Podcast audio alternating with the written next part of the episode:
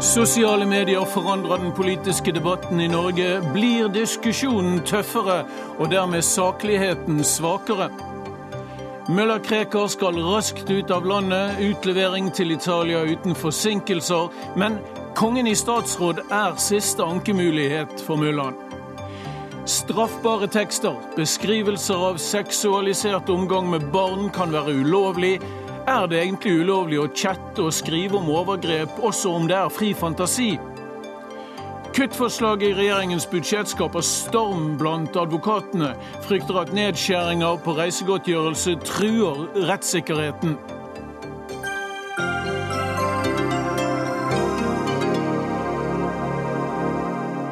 Velkommen til Dagsnytt 18, i studio Ole Torp.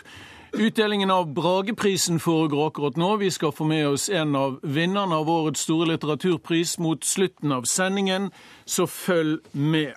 Men vi begynner altså med politikk og retorikk. Det siste døgnet har både politikere og vanlige folk engasjert seg sterkt i debatten om hva man egentlig kan si som politiker. Sosiale medier er i ferd med å forandre den politiske debatten. Blir diskusjonen tøffere og sakligheten svakere, og er vi i ferd med å ødelegge den siviliserte debatten? Trond Giske, nestleder i Ap, hva syns du? Altså Både og.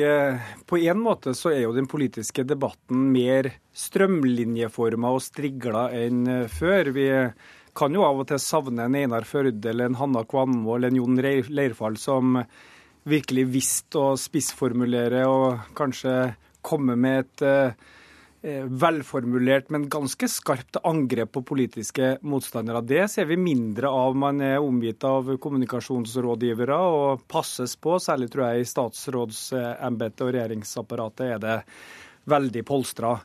Men på den andre side så har du fått eh, nettet Folk kan sitte anonymt eh, og kommentere, og den eh, debatten der er jo selvfølgelig mye verre enn det vi så før. Jeg tror det er en del folk som sitter og skriver ting på nettet eh, som de aldri ville ha sagt på et foreldremøte eller på et møte i velforeninga i nabolaget. Du uttrykker deg anonymt, og du bruker ganske grove karakteristikker som ikke du kanskje hadde stått for i dagslyset. Og det tror jeg nok skade debatten, fordi at det kan gjøre at det blir eh, tøffere for folk å delta. Men uh, blir også politikere tøffere av uh, den tonen som eksisterer på sosiale medier?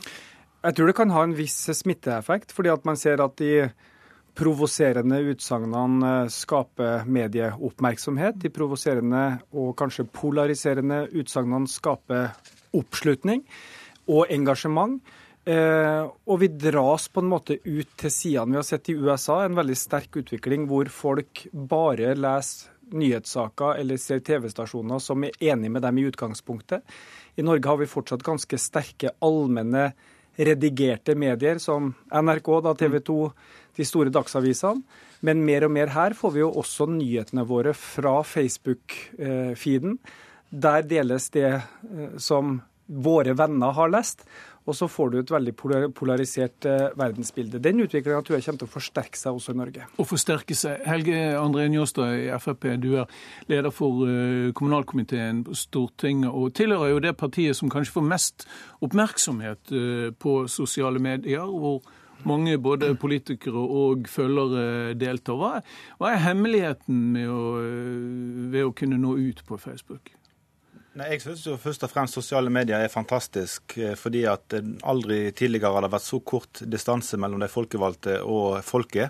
Eh, så nå har vanlige folk mulighet til å kommunisere direkte med statsråder, følge statsråder direkte. Så det har åpna opp en helt ny mulighet for at, eh, at, folk som ikke hadde den tilgangen til politikere før, nå kan ha en direkte dialog uten at alt skal siles gjennom mediehusene og mediene, som skal fortelle hva som er, er greit å få ut til folk. Nå har folk mulighet til å følge med mye mer sjøl og stille spørsmål og være aktive. Så jeg syns eh, sosiale medier er en berikelse for demokratiet. Du syns det er en berikelse, så du, du, er ikke enig dem sier, med dem som sier at uh, det kommer mye søppel også den veien? Nei, jeg er ikke det. Jeg syns vi skal være glad for at folk flest har en tilgang til politikere, tilgang til å være med og debattere. At det ikke er kun en elite som slipper til i leserbrevspalten eller slipper til på kronikkplass, som får lov å komme med meningene sine, men alle folk. og Det er, er veldig viktig for demokratiet. Så vi skal være glad for at Eh, at vi har den korte distansen. og I vårt parti så legger vi veldig vekt på at vi skal være tilgjengelige for folk og debattere med folk. og Vi skal på ingen måte frykte at, eh, at folk sier meningen sin klar og tydelig. Det er jo eh, derfor vi er valgt for å representere folk, og da må vi tåle å debattere med de og lytte på meningene deres. Mm. Trond Giske ligger åpenbart mye makt i um, å få være best på Facebook. Ja, det er klart at De som har mange følgere og kan snakke direkte til velgerne sine, det er en fordel. og det så vi jo i den amerikanske valgkampen også, at eh, Donald Trump brydde seg ikke så mye om eh, de store mediene. Kommuniserte direkte via Twitter bl.a. og kunne få ut budskapet sitt. Og Det er en veldig positiv ting selvfølgelig at eh, alle kan ytre seg, alle kan delta. Men vi har også et ansvar for hvordan vi bringer den debatten videre. For jeg tror at og det har vi hørt politikere fra alle partier, også fra Frp, beklage seg over at de blir kalt ulike ting. da.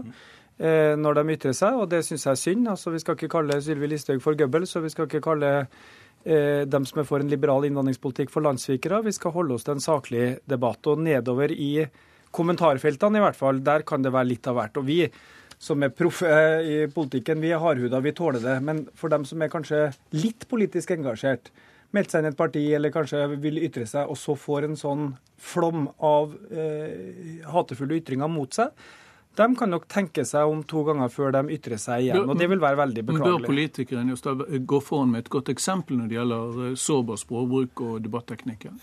Ja, Selvfølgelig er det et stort ansvar for politikere å holde et, et saklig nivå på Facebook og, har, og, andre sosiale medier. og Jeg har jo inntrykk av at uh, i all hovedsak så, så gjør man jo det.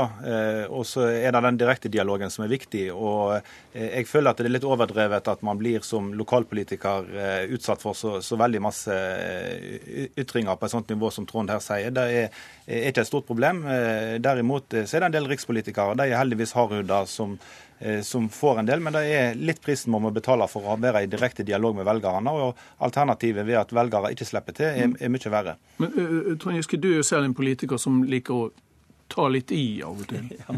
hvis det er lov å si det. Hvor går grensen for deg? Nei, altså Jeg er jo tilhenger av en frisk debatt, og jeg tror uh, altså alle vi som sier at det er flott med folk som snakker rett fra levra, må også tåle å bli snakka til rett fra levra. Av og til har jeg kanskje litt inntrykk av at min motpart her, eh, som er veldig tilhenger da, i Frp og snakker rett fra levra, av og til blir litt hårsår når noen snakker rett fra levra til dem. Hvis du er tøff i kjeften sjøl, så kan du ikke begynne å grine hvis folk er tøffe i kjeften eh, til deg tilbake. Så jeg tror at vi på toppen, da kan du si, vi som er i Stortinget, vi tåler det meste. Det er jo ikke veldig hyggelig å lese ting om seg sjøl på nettet, men, men, det går helt greit. Men jeg tror at vi har et ansvar for hvilken tone vi legger an. Og en veldig fin ting med Norge, det er jo at vi ikke har den polariseringa som man har i USA. Ofte finner vi sammen på tvers av partigrensene. Vi lager brede forlik. Vi samarbeider ganske tett. Forskjellene er ganske små. Og særlig i kommunestyrer og fylkesting så tror jeg man ofte finner i lag på tvers av partigrensene. Og den kvaliteten der, at vi anerkjenner hverandre, at vi har gode intensjoner, og så prøver å finne felles grunn av og til, det tror jeg rett og slett gjør Norge til et bedre samfunn. Og dras vi i hver vår retning, hvor vi alle leser hver våre nyheter, vi får bare i feeden det som vi sjøl er enig i, mm. vi klikker på de sakene som vi er enig i, vi leser de mediene som vi er enig i, så får vi et eh, dårligere samfunn. Et flatere, fordi vi forstår et flatere samfunn. Men, men eh, kan vi etter valgkampen i USA, som du vender tilbake til hele tiden, nå risikere å få en trumpifisering av, eh, av debatten her hjemme? Den, den var ikke, det var ikke pent alt vi så og hørte i USA. Ja, men det er klart det. Altså, en president som har vunnet eh, valget i USA, altså vunnet verdens mektigste embete med en viss strategi, klart det kan ha en smitteeffekt over hele verden, at man tenker at det er vellykka ytre seg veldig provoserende, veldig aggressivt. Eh, få entusiasme og oppslutning på det, men kanskje aller mest få mediene til å dekke det. Fordi at Halve hemmeligheten til Trump var jo ikke bare det han sjøl ytra på sosiale medier, det var jo at hele amerikansk medievirkelighet sto på pinne og viderebrakte det han ga. Og det vet vi jo fra sånne sosiale medier-strategier i Norge også, at det virkelig vellykka er jo når du får nyhetsoppslag av utsagnene dine. Når Dagsrevyen i går klarer å gjøre sitt til sin hovedsak at 23 stykker var misfornøyd med Kristoffer Joners eh, Facebook-oppdatering, da har altså dem som vil ha den debatten på, lyktes fundamentalt. Så når de redigerende mediene, som på en måte skal kanskje skille snørr, og bart og, og, og, de viktige nyhetene fra de andre, går så til de grader på limpinnen som Dagsrevyen gjorde i går, da, da, bidrar man jo til den forflatninga. Av en eller annen grunn er jeg usikker på om uh Dagsrevyens redaktør er enig i at de gikk på limpinnen, men, Nei, men det, det, er hans valg. og Sånn er det et fritt samfunn. Men det er også et fritt valg å si at det var da, en rar nyhetsjournalistikk. Men Njåstad er uh, en rar nyhetsjournalistikk. ok. Njåstad, er, uh, er du redd for at noe av det styggeste vi så i den amerikanske valgkampen, kan komme til å havne i Norge? Nei, på, på, ingen måte. Jeg var jo så heldig å få lov å følge valgkampen der borte tett i innspurten. Og, og, du blir veldig glad av den norske modellen når du ser hvordan det er der borte. De to store partiene liker hverandre rett og slett ikke. I Norge så kan vi ha en tøff debatt mellom partiene, men vi samarbeider òg når det trengs for landet. Og vi har en god, hyggelig tone som kanskje mediene aldri forteller velgerne. At faktisk så, så samarbeider vi veldig masse i Norge. Eh, så det er en helt annen modell i Norge. Selv om det ikke alltid, selv om det ikke alltid virker som dere liker hverandre så veldig godt. Hvor, siden jeg spurte Trond Giske om det, hvor går din grense? For hva du ville sagt på, på sosiale medier? Nei, Den går på, på, alt jeg kunne sagt i det offentlige rom. Eh, alt som jeg skriver på sosiale medier, kunne jeg òg sagt på forsida av VG. Så jeg er veldig bevisst på at alt som du skriver der, eh, må du kunne stå inne for til enhver sammenheng. Og Det handler jo om at alle må, må ta ansvar for at ytringer man eh, gjør der, må man kunne forsvare i alle mulige fora. Men, men, vi trodde jo det at nettet skulle være enormt demokratiserende. Med et tastetrykk kunne du få tilgang på all verdens informasjon, du kunne delta i politiske debatter. Men så viser det seg at det har en bivirkning, og det er at informasjonsflommen blir så overveldende at det er nesten umulig å finne ut hva som er sant og ikke sant. Og Det som var veldig skremmende synes jeg, fra det amerikanske valget, var jo disse nyhetene som kom i ettertid, at mer enn halvparten av det som ble delt aktivt på Facebook, var falske nyheter. Altså produserte falske nyheter. Og nå så vi Moderaterna i Sverige ble avslørt å ha en sånn eh, produksjon av eh, den type eh, usanne nyheter. Og det å ha en bevisst befolkning som kan være kritisk, lese ting med et uh, godt blikk, det tror jeg er den beste vaksinen mot uh, at vi skal jeg, jeg, ut av den strømmen av informasjon. Jeg er helt enig i det, men vi har få eksempler i Norge på at det er sånne type ting. Det, det nærmeste må jo være i dag når Arbeiderpartiet sprer ut at vi selger landet. Så er jo det en type informasjon på sosiale medier så folk må være kritiske til å gå inn og lese hva man gjorde når du var næringsminister og når dere styrte landet. Så solgte man mer ut. Eh, men jeg regner med at det norske folk er kritiske når de ser en Arbeiderparti-logo og et regissert opplegg. Og det her er sånn debatt som jeg setter pris på. Sånn, det her er helt greit. sant? Det er helt greit. Men, men, men det, det kan være at falske nyheter f.eks. Eh, bringer mistenksomhet, hat mot folkegrupper, store konflikter i et samfunn. Og det skal vi være på vakt for. Historien er full av eksempler på hvor den type retorikk har skapt veldig stor skade. Vi får håpe publikum fremdeles er kritisk, både overfor dere, og så må dere være kritiske overfor dere selv, og samtidig bevare et slags sivilisert tone dere imellom. Takk skal dere ha, Trond Giske, Arbeiderpartiet, og Helge André Njåstad fra Fremskrittspartiet. Dagsnytt 18 alle hverdager kl 18.00 på NRK P2 og NRK2. Er en barnepornografisk tekst straffbar selv om den bare er fantasi? Denne uken ble en politimann siktet for å ha lest barnepornografiske tekster. Siktelsen er ikke tilknyttet den såkalte operasjon Dark Room, norgeshistoriens største beslag av overgrepsmateriale. Men også denne saken dreier seg som kjent om seksualiserte tekster som politiet mener er eh, straffbare. Ehm, vi skal gå til, eh, til deg, Anine Kierulf, eh, postdoktor ved Norsk senter for menneskerettigheter. Er en barnepornografisk tekst ulovlig etter straffeloven, selv om den bare er diktet opp? Ja, det kan den være eh, ut fra ordlyden i den bestemmelsen som rammer eh, altså ikke barnepornografi, det er ikke den, det er bare populærnavnet, det er seksuelle overgrep mot barn. Ut fra ordlyden der så er det den som produserer, besitter eller befatter seg med fremstillinger av seksuelle overgrep. Og fremstillinger eh, kan da også ramme tekst. Det var i utgangspunktet ikke meningen fra Justisdepartementet, men justiskomiteen har eh, sagt at det kan også rammes. Og det finnes eh, veldig lite rettspraksis på det, men en helt fersk dom fra Borgarting der dette legges til grunn. Eh, en chat eh, hvor eh, man beskriver overgrep mot barn, og det er en chat bare mellom én person og en annen person. Eh, hvor denne personen da blir dømt for fremstilling bare ved å ha kommet med tekst. Mm. Og så vil jeg gjerne vite av deg, Pål Grøndal, du er psykolog og, og rettspsykolog. Er det eksempler på, så vidt du vet, at slike beskrivelser kan utløse eller føre til ulovlige handlinger? Nei, jeg kjenner ikke til eksempler hvor det, hvor det, har ført til slike handlinger. Men jeg har nå vært i saker hvor det så ut som om hvis ikke disse hadde blitt stoppet, så hadde dette kunnet utarte helt fullstendig. Jeg, jeg var ute for en sak hvor jeg litt uforvarende åpnet en sak hvor jeg skulle ha en prejudisiell observasjon. og Der så jeg altså en chatting mellom to menn om hvilke fantasier de hadde med hva de skulle gjøre med disse barna. og Det er sånn som knapt egner seg på riksdekkende radio å beskrive dette. Vi behøver ikke, vi behøver ikke, jeg tror vi skjønner hva du mener. Nettopp. Men mitt spørsmål var øh, vet du eller frykter du at slike aktiviteter eller slike tekster eller slik chatting kan lede folk frem til et faktisk overgrep? Ja, for noen. Jeg noen. tror ikke dette gjelder flertallet. For jeg tror flertallet skjønner at, og har viss, et visst moralsk kompass i dette her. Men det er noen som ikke lar seg stoppe med det. Noen finner da en slags felles frende her, og er villig, og, og det har vi sett opp gjennom historien, at menneskers grusomhet er omfattende og svært kreativ. Og noen er villige til dette her. Ok, La oss gå til Janne Ringseth Heltene, som er eh, politiadvokat i Vest politidistrikt i Bergen. Driver med denne darkroom-saken. Hva er det i loven politiadvokat Heltene som sier at slike tekster er straffefremmende? Eh, lovteksten sier jo, som vi allerede har hørt, at det er befatning med fremstillinga. Og at fremstillinga kan også være tekst.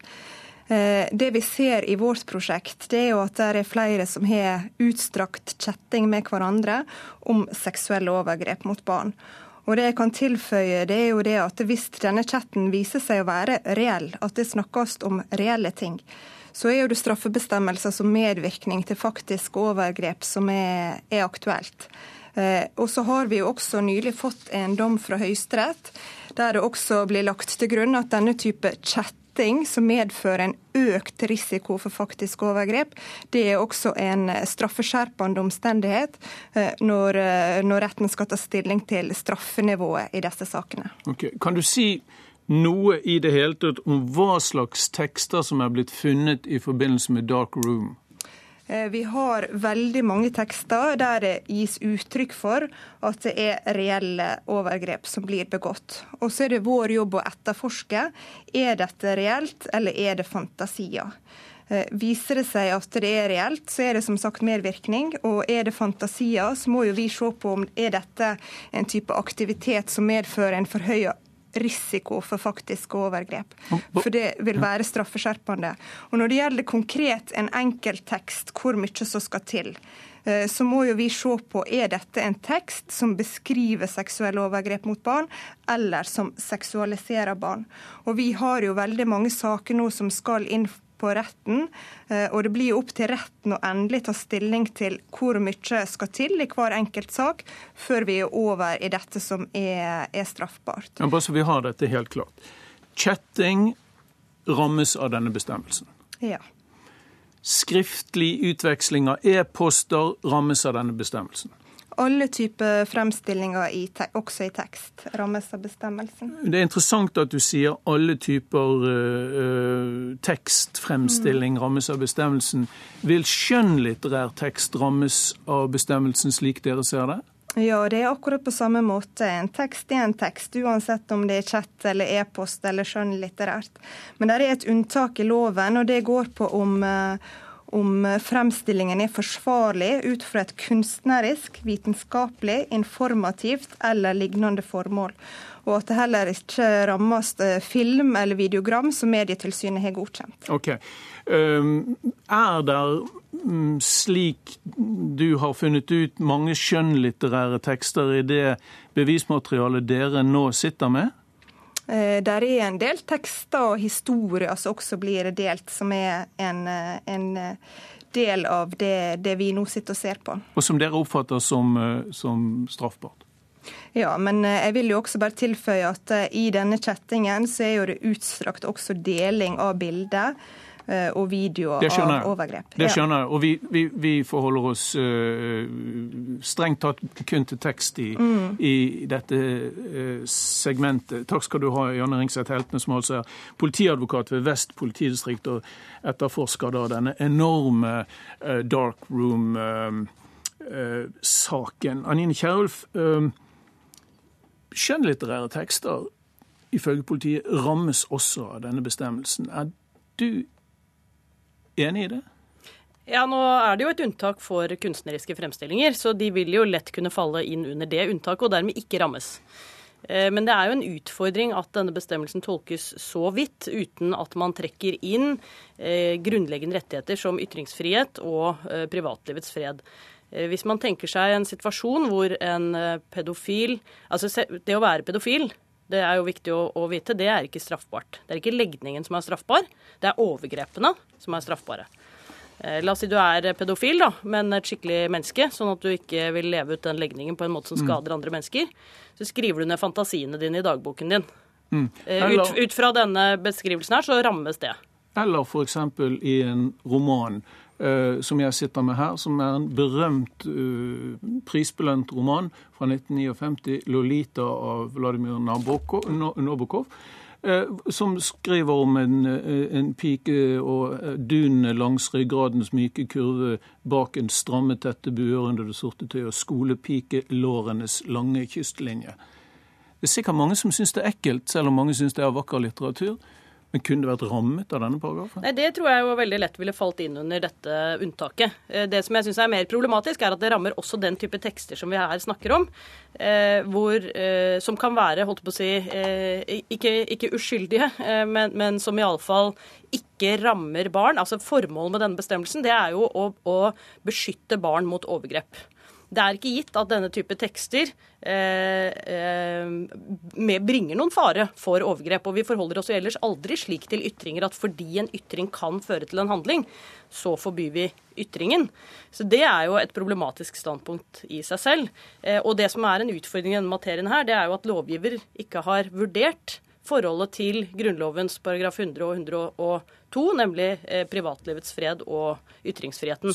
For her er det åpenbare prinsipielle problemstillinger som burde være vurdert, og som domstolen selvfølgelig kan vurdere, men som domstolen i denne siste saken overhodet ikke vurderte. Ok, Eh, Men på den annen side, Pål Grøndal, kan det tenkes at vi motvirker overgrep med å la folk få utløp ved å lese romaner eller noveller eller skrive eh, om sine fantasier? Ja, det vet vi ikke nok om, rett og slett. Eh, Det jeg kan tenke meg, er at som jeg stort sett sier, mennesker er veldig forskjellige. Noen skjønner at det skal stoppe der. De kan lese slike tekster, både dette og betydelig grovere ting, og si at ja vel, det er eh, fiksjon, det er fantasi, og det forblir på det nivået der. Og jeg sier ikke at, eh, at ikke vi kan synes det er ekkelt, for det er mye av det vi synes er ekkelt som, som i og for seg ikke er straffbart, ikke sant? Ja.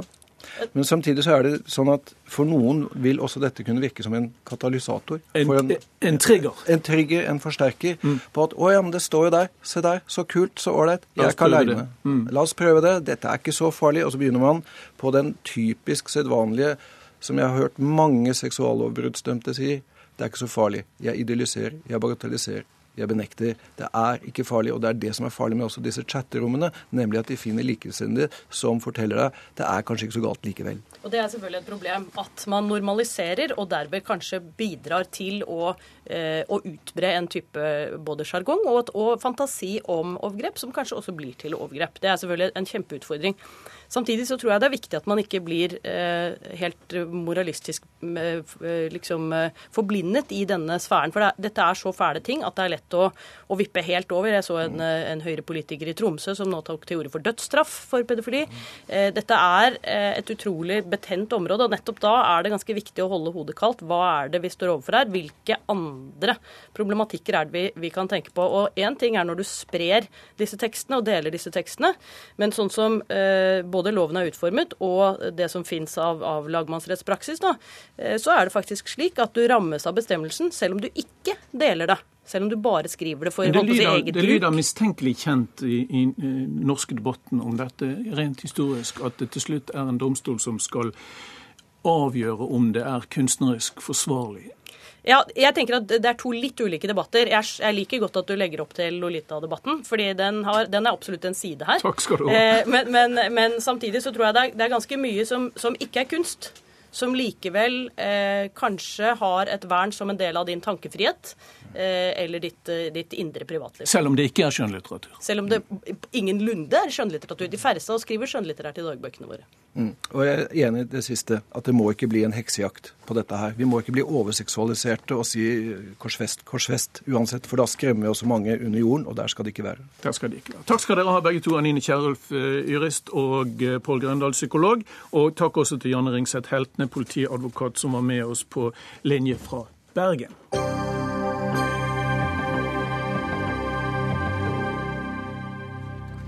Få dager før president eh, Juan Manuel Santos i Colombia blir tildelt Nobels fredspris her i Oslo, er det på ny undertegnet en fredsavtale mellom regjeringen og FARC-geriljaen i landet. Og Denne gangen skal den ikke til folkeavstemning, men godkjennes av parlamentet i Colombia der det er ventet at opposisjonsleder Alvaro Oribes vil kjempe innbitt mot en godkjennelse. Petter Skauen har i flere tiår arbeidet eh, med freds- og forsoningsspørsmål i flere land i Latin-Amerika på oppdrag for Kirkens Nødhjelp og for Utenriksdepartementet, også med Colombia-konflikten som nå har pågått i 50 år og krevd flere hundre tusen dødsofre. Petter Skaun, mange colombianere sa nei til første avtale fordi de jo syntes at FARC-geriljaen eh, folk i første omgang slapp for billig unna en rettsforfølgelse etter de mange drap og overgrep som har skjedd under denne blodige borgerkrigen. Åpner den nye avtalen for hardere straff mot geriljalederne? Ja, det var et knapt eh, flertall for et nei. Men det var ikke et flertall for eh, et nei til freden det var kanskje et, eh, et håp om mer fred i eh, en ny avtale. Og de dro jo veldig raskt til Havanna, ledsaget av den norske delegasjonen, for å forhandle videre. Og de har sittet uh, intenst og gått dypt i avtalen for å forsøke å få gode svar på jordfordeling om uh, geriljaen skal være med, FAR skal være med og bekjempe narkotikaproblematikken i landet. Og også eh, hvordan uh, det skal se ut politisk i framtiden. Petter, jeg vet, Petter Skaun, jeg vet at du har vært dypt involvert i denne saken, også som tilrettelegger og som sammenligner mellom Guatemala og, og Colombia. For mange av konfliktene her er i slekt, ikke sant? Ja, jeg har hatt en veldig tilbaketrukken rolle og, og har blitt bedt av delegasjonen, norske delegasjonen å identifisere og finne mennesker, militære og gerilja i Guatemala, som jo hadde URNG-geriljaen. Det er et søskenbarn kan man si, til FARC, med mye av de samme problemstillingene og samme utsprunget i forbindelse med Colombia har jo volden, la violencia, som ligger i bunnen for uh, den væpna konflikten som mm. alle snakker om. I Guatemala så var det jordfordeling og den skjeve fordelingen. I Colombia, hvis vi får lov til det akkurat nå, hva slags straff tror du skal til, eh, hvis vi første omgang snakker om FARC-geriljaen, som, som ikke da skaper nytt vondt blod mellom partene? Og dette er jo veldig vanskelige problemstillinger, fordi fred kan ikke, kan ikke beordres. Og det er ingen automatikk i en fredsavtale og fred. Eh, man må lytte til folket, og det er tydelig at et flertall av Colombias befolkning i dag vil si ja til en fredsavtale, fordi konflikten har vart i over 50 år. Og, men samtidig så kan man ikke få til en god fred uten et oppgjør. Uten et oppgjør. Ja. Uh, og, det, og, det, har FARC-geriljaen, så vidt jeg forstår, nå uh, sagt at de forstår og må innfinne seg med. Men, men uh, både militæret og politiet har jo også vært involvert i grove overgrep. Skal ikke de straffes? Jo, det er jo dette som er den eh, veldig vanskelige knuten å løse. Det er hvor mye straff. Hvor lenge skal de sitte inne? Hvor eh, skal det gjøres av senere? Skal eh, tusen, tusener av geriljasoldater eh, gå og vente på en løsning. Skal de tilbake i samfunnet, i hvilken rolle, og hvor fort skal de tilbake? Man kan ikke danne et parti etter 14 dager og plutselig kanskje få en helseminister som har vært eh, med på massakrer. Mm. Så dette er jo sårbare ting. Og hele tiden så har jo også Santos nevnt ofrene. Man må ta hensyn til ofrene. De må få en form for rettferdighet. Et svar på hvorfor eh, overgrep og den brå død og kidnappinger eh, har skjedd. Og de må også få et svar på hvor er de som ble borte. Og det er eh, flere hundre tusen som er borte, og, og, flere hundre tusen som er drept. Millioner har vært på flukt. Men du svarte ikke helt på om, om, den, om det colombianske folk vil akseptere at de militære går straffefri her?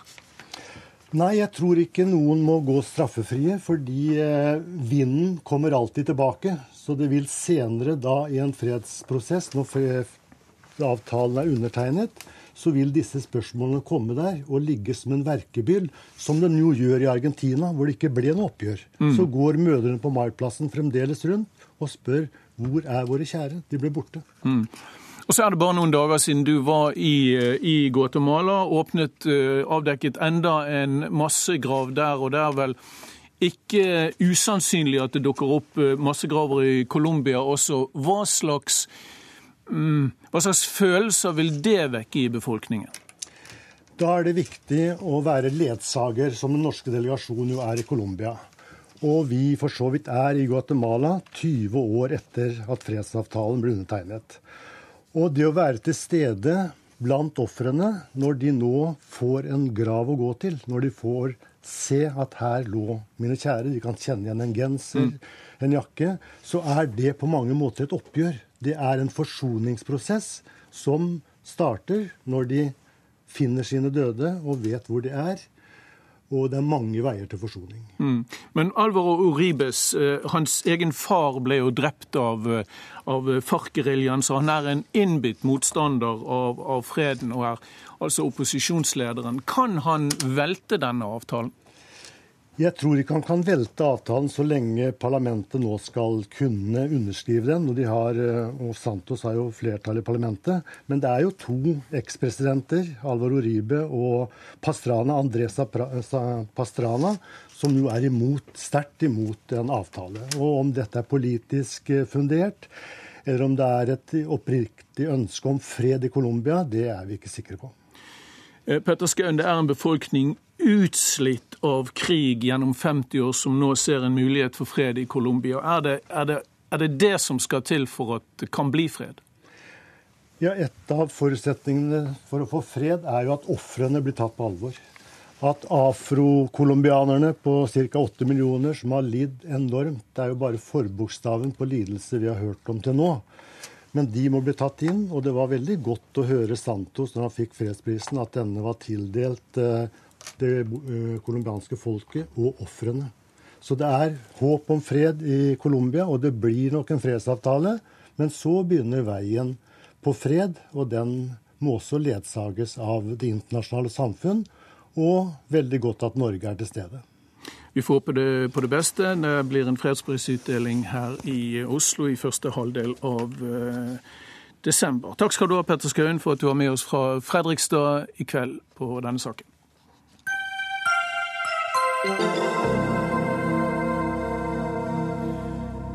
Etter at mulla Krekers anke om utlevering til Italia ble forkastet av Høyesterett i dag, tyder nå mye på at han blir utlevert. Mulla Krekar er pågrepet av PST, vil trolig bli fremstilt for varetektsfengsling i morgen, siktet for terrorplanlegging i Italia og altså begjært utlevert fra Norge til Italia. Brynja Meling, du har vært eh, mulla Krekars advokat i en årrekke. Nå er løpet kjørt?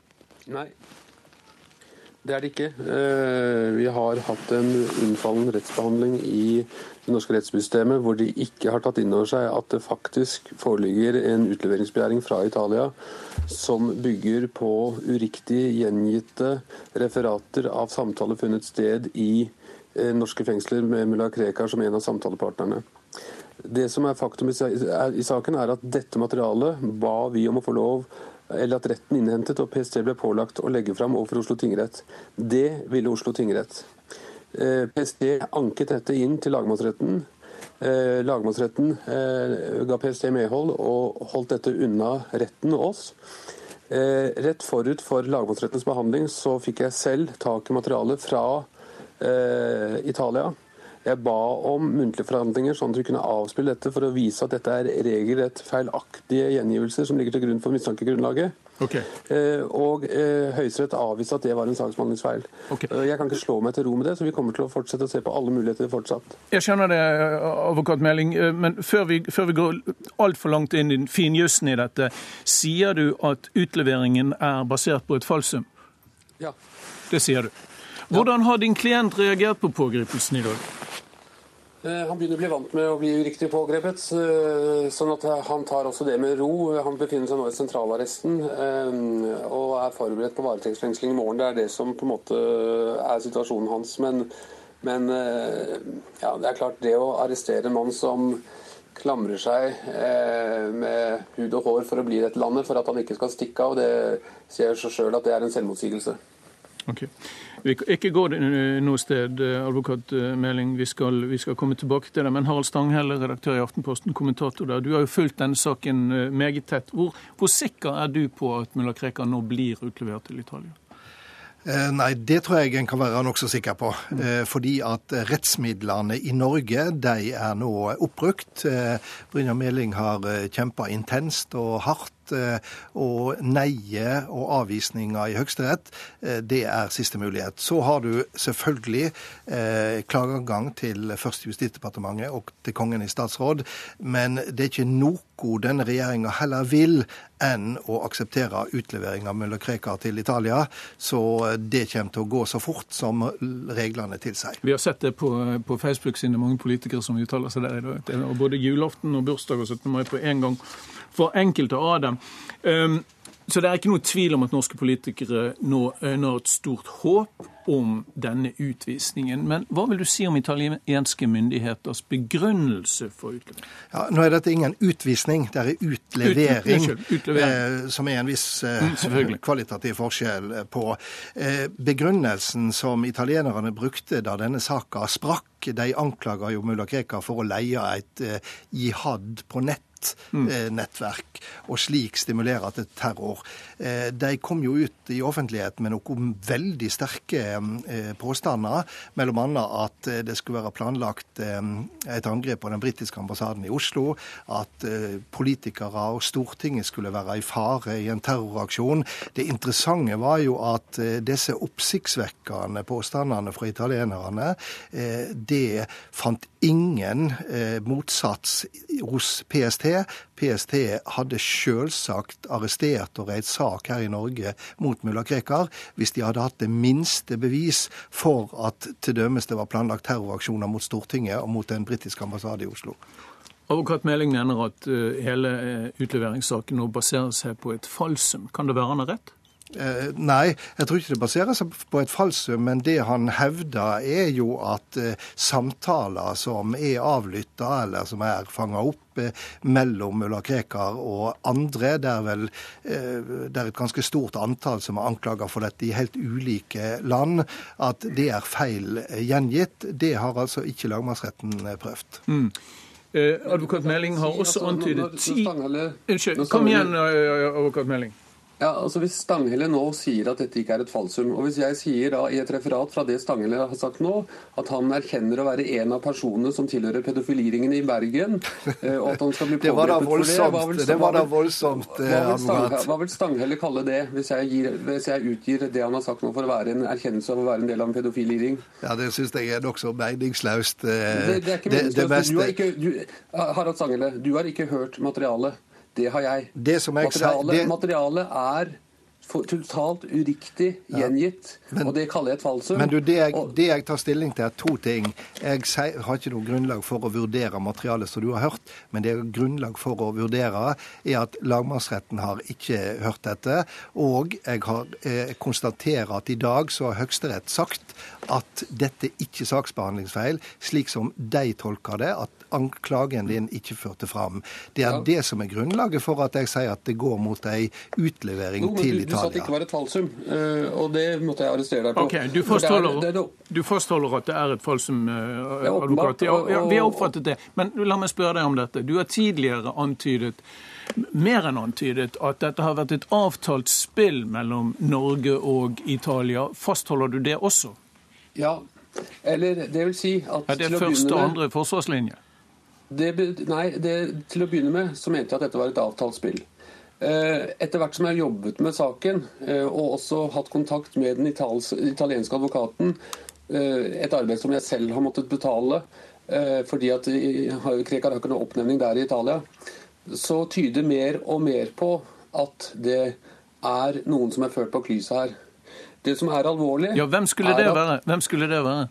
Det kan være, altså Til å begynne med så trodde jeg at det var den norske domstolen som ble ført bak lyset av italienerne. Men nå tyder mer og mer på, etter hvert som vi går gjennom materialet, og etter hvert som ting er, hvordan ting er blitt gjengitt, at dette, disse feilreferatene oppstår altså hos de som avlytter, altså norsk PST. Eh, og jeg har bedt nå PST i dag skriftlig om å svare på om de har, eh, står bak refereringen. Hvis de gjør det, så kommer jeg til å anmelde PST til Spesialenheten. Eh, for det er så alvorlige eh, feiltolkninger, så alvorlige feilslutninger, eh, at det er en forledelse av italienske myndigheter som eventuelt står bak at Italia da mener at det er grunnlag for å, for å, å, å anmode om utlevert. Så du antyder, eller mer enn antyder, du mistenker PST, Politiets sikkerhetstjeneste, for å drive falsk spill her? Det jeg kan dokumentere, er at samtalene er så totalt uriktig gjengitt at dersom retten i Norge hadde fått lov å høre disse samtalene, så hadde han aldri blitt funnet mistenkt for noe terrorvirksomhet. Dersom italienske myndigheter hadde hørt samtalene, hadde han aldri blitt funnet eh, skyldig eller vurdert tiltalt i Italia. Så alvorlig er disse eh, oversettelsene og resumeene. Så langt fra virkeligheten står de. Eh, at dette kan kun beskrives som et fall. Som det som nå er alvorlig, og det som eh, Lov- og ordenspartiet Fremskrittspartiet burde vært opptatt av, var å finne hvem som står bak denne forfalskningen. Hvem som står bak dette uekte gjengivelsen. Er det skjedd på norsk side, eller er det skjedd på italiensk side? Har, For alvorlig, det er det. Vi har ikke Fremskrittspartiet her, advokat, men eh, kommer, det, det blir sikkert anledning til å, til å, komme tilbake til det. Harald Stangel, det høres ut som advokat Meling har mer krutt i behold. Ja da, altså jeg er... Jeg er ikke innkalt her for å forsvare verken PST eller Fremskrittspartiet eller norske styresmakter, og jeg har all respekt for at eh, Brynjar Meling kjemper en durabelig kamp for klienten sin. Det som eh, jeg er ute etter, det er dokumentasjon. Fordi at eh, Brynjar Meling var veldig sterk da han uttalte at dette var et avtalt spill. Det ble også sagt med høy advokatrøyst og ikke akkurat innestemme. Så går han vekk fra det. Hvis det er, hvis det er unnskyld, Meling, hvis det er et falskt sum, eh, så er det om å gjøre å få dette dokumentert ja. i norsk offentlighet. Eh, og da vil en også kunne diskutere på det grunnlaget. Tror du at du kan dokumentere det, advokat Meling? Det er helt åpenbart. Det er helt jeg åpenbart. Har lydfilene. Jeg har lydfilene. De har fått tilgang til, selv om PST ville forsøke å nekte med det. Så går det an for hver og en og da, som har tilgang på en kurdisk tolk, å oversette dette her og lese gjennom det og sammenholde hvordan det er gjengitt først i de italienske kjennelsene, så i den italienske utleveringsbegjæringen, så i de norske dommene. Ok, Er dette det noe du vil legge frem for, for offentligheten? Uh, snakker vi om en melinglik her? Altså det, har, det har jeg ikke håpet og trodd var nødvendig, men, men uh, hvis det er det som må til i siste instans, uh, så, så, må jeg det. når Jeg sier, jeg har ikke gått tilbake på at dette er et avtalespill, men man har av, ekte avtaler og så har man uekte avtaler. De ekte avtalene er når begge parter har inngått på det på like premisser og med lik utgangspunkt. Men hvis italienerne er blitt forledet av norske myndigheter eller norsk PST her, så er, det, så, så, er, så er det det som er det avgjørende, ikke denne avtalen. For da er det jo de noen blitt lurt inn i en avtale. Men du sa akkurat i denne sendinga at du først trodde det var et avtalespill. Nå er du ikke like sikker på det. Og det er det jeg mener med at det er alt det som teller i norsk offentlighet i, i denne saka, det er dokumentasjon, det er dokumentasjon og dokumentasjon. Ja. Mm. Siste, siste spørsmål.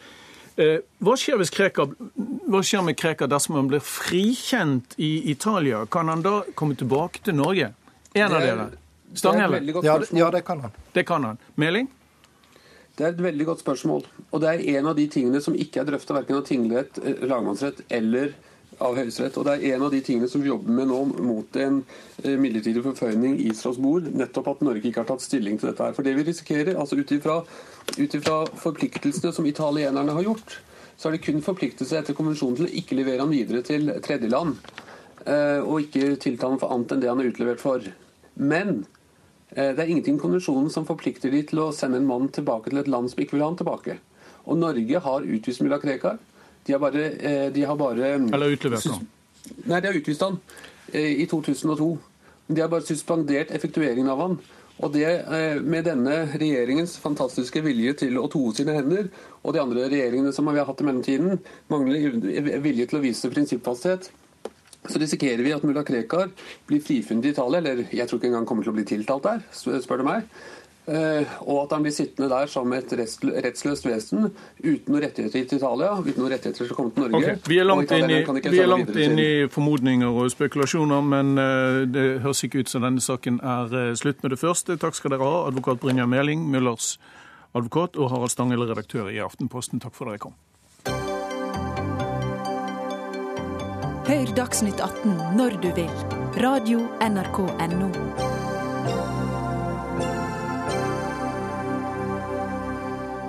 Vi skal ha mer advokatmat her i eh, Dagsnytt 18. Advokatforeningen nemlig protesterer nå mot kutt i regjeringens forslag til budsjett for neste år. Det er forslag om å halvere reisegodtgjørelsen for advokater som arbeider med strafferett og fri rettshjelp, eh, som skaper meget sterke reaksjoner. Jens Johan Hjort er leder i Advokatforeningen, med oss fra studio i Tromsø. Hvorfor er det så kraftige reaksjoner mot dette eh, forslaget, Hjort? Jo, Det er jo fordi eh, dette forslaget det innebærer at advokater som jobber med disse meget beskjedent betalte sakene, de vil kun få 510 kroner i timen når de er ute på reise i embets medfør. Og det til tross for at de må reise eh, og faktisk ikke kan jobbe under reisen. Eh, jeg var på Forsvarergruppens høstseminar på Sundvolden for et par uker siden. Der var forsvarsadvokatene i harnisk og Det er fordi dette forslaget vil gå utover den delen av det rettssøkende publikum som eh, er aller svakest stilt. Eh, advokater vil av økonomiske grunner måtte begrense sin reising til et minimum. Og for de klientene som sitter i fengsel f.eks., og, og har, i Østfold og har en advokat i Oslo, så er det meget alvorlig. Og vi har, vi har veldig ofte situasjoner hvor eh, klienter flyttes eh, ut fra Oslo. Eh, og, og, advokaten da må reise langt for å, å besøke ham eller henne. Okay, så... Og, men jeg har også... Ja, men du, skal få, du skal få, ordet igjen, advokat Hjort. Jeg vil bare introdusere Ove Vanebo, som er statssekretær i Justisdepartementet, som er her i studio. Jeg har bare lyst til å spørre ham hva som er regjeringens begrunnelse for å redusere denne, denne reisegodtgjørelsen for advokater som vekker, vekker så sterke reaksjoner. Det er eh, to hovedbegrunnelser for eh, den eh, justeringen vi gjør. Det første er at det er trangere tider vi står, som vi har foran oss, som da gjør at vi må finne inndekning. Og dette er et av områdene hvor vi mener at det er mulig å, å kutte uten at det får altfor store konsekvenser. Man vil få 510 kroner som, per time, som Hjort er inne på. Og I tillegg så vil man også få dekka reiseutgifter, kost og losji, som da kommer i tillegg. Eh, den andre begrunnelsen er at eh, ved å sørge for at man gir noe mindre når man ikke jobber, så vil det stimulere til at man jobber på reiser. Og Dere er redd for at advokaten ikke jobber mest nok når de er ute og tar toget? Nei, men eh, samtidig så må det være en målsetting at man begrenser antall reiser og bruker tida effektivt.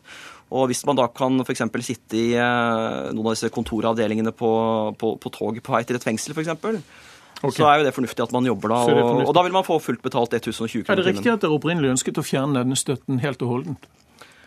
Nå har det vært en, eh, en, lengre prosess, og om det har vært oppe, det, det husker jeg ikke nå. Men, husker du ikke det?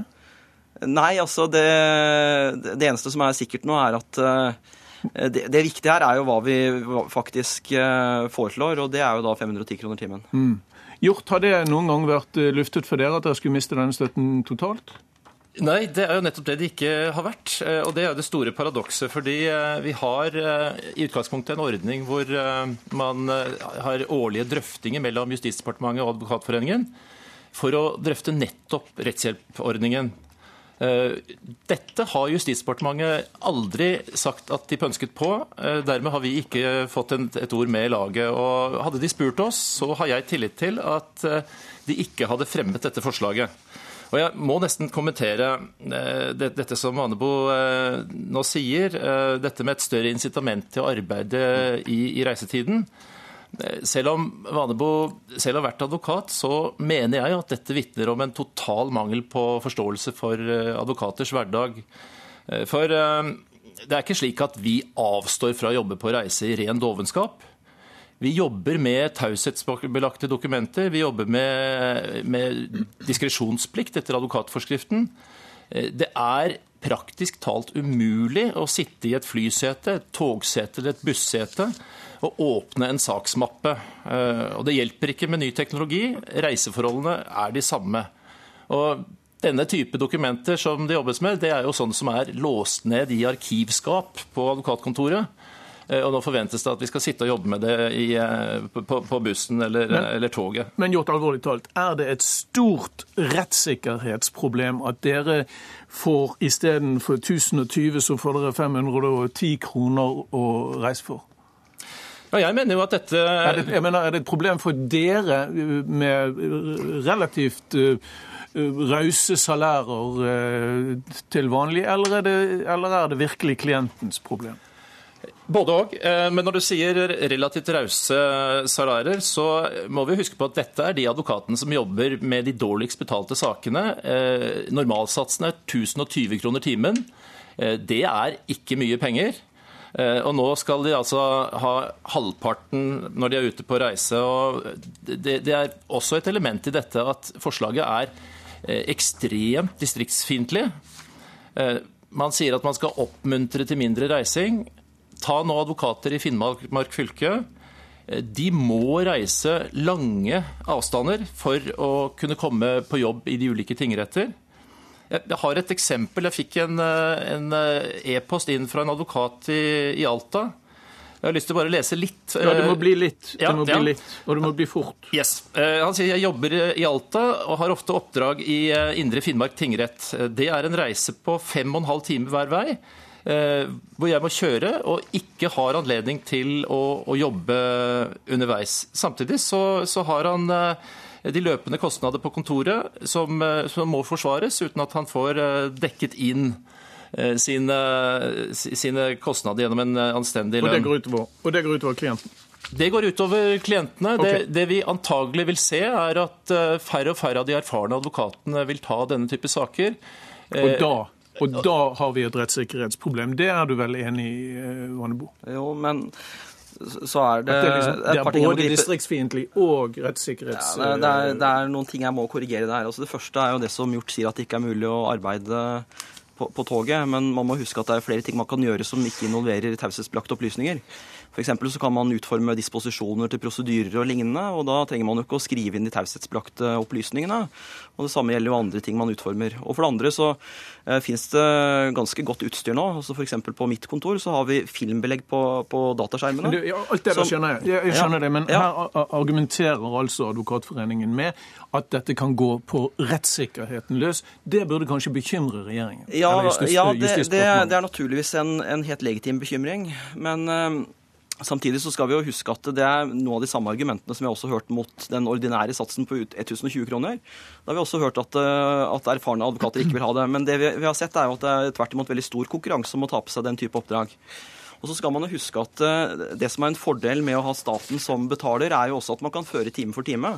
Mm. Eh, og For mange så er dette en jevn og trygg inntekt, mens i, i, eh, i firmaer hvor man har andre typer klienter, så kan det hende at man f.eks. Må, må kutte ned på det man ellers fakturerer kunden. Og Apropos kutte ned, du hører at Advokatforeningens formann sier at resultatet av dette kan bli at mange advokater ikke vil påta seg den slags oppdrag. Ja, men, eh, og det er selvfølgelig en, en, bekymring som vi skal ta på alvor. og Hvis man ser utslag som, som, går i den retning, så må vi selvfølgelig ta opp dette på nytt. og mm. Det er ingen ordninger som er skrevet i stein, men da må vi også finne inndekning. og Da ser jeg gjerne at Advokatforeningen peker på det. Men igjen så, så er det litt tilbake igjen til, eh, til, virkelighetens situasjon. Dette er samme type argumenter vi har også hørt for den ordinære satsen på 1020 kroner. Men det vi har sett i avisene de siste dagene, er jo uh, igjen at man, man, finner at det er en veldig stor konkurranse om den type oppdrag. Fordi det er oppdrag som kan være trygge, og, og man får da jevn betaling. Uh, og dermed så tror vi at det likevel vil holde da med 510 kroner timen pluss dekning av utgifter. til Er det likevel, er det likevel mulig gjort? Her må jeg nesten få, få lov til å, å, korrigere. fordi altså, En ting er 1020 kroner timen, som ikke, ikke er en høy lønn. Men, eh, men, her er det snakk om halvparten. Eh, jeg, var, jeg ledet et uh, møte blant kretslederne i Advokatforeningen i forrige uke.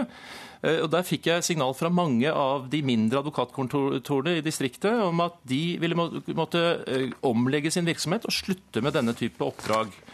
Eh, og, og min bekymring er Vi vil sikkert alltid kunne få noen advokater som tar disse sakene, men de erfarne advokatene vil trekke seg ut. Og da vil vi miste eh, de som har mest erfaring på de sakene som etter min mening er viktigst for de, de klientene som trenger det aller, aller mest. Jeg tror vi har oppfattet situasjonen fra begge sider. Tusen takk til statssekretæren og til eh, Advokatforeningens leder. Takk for at dere kom i studio.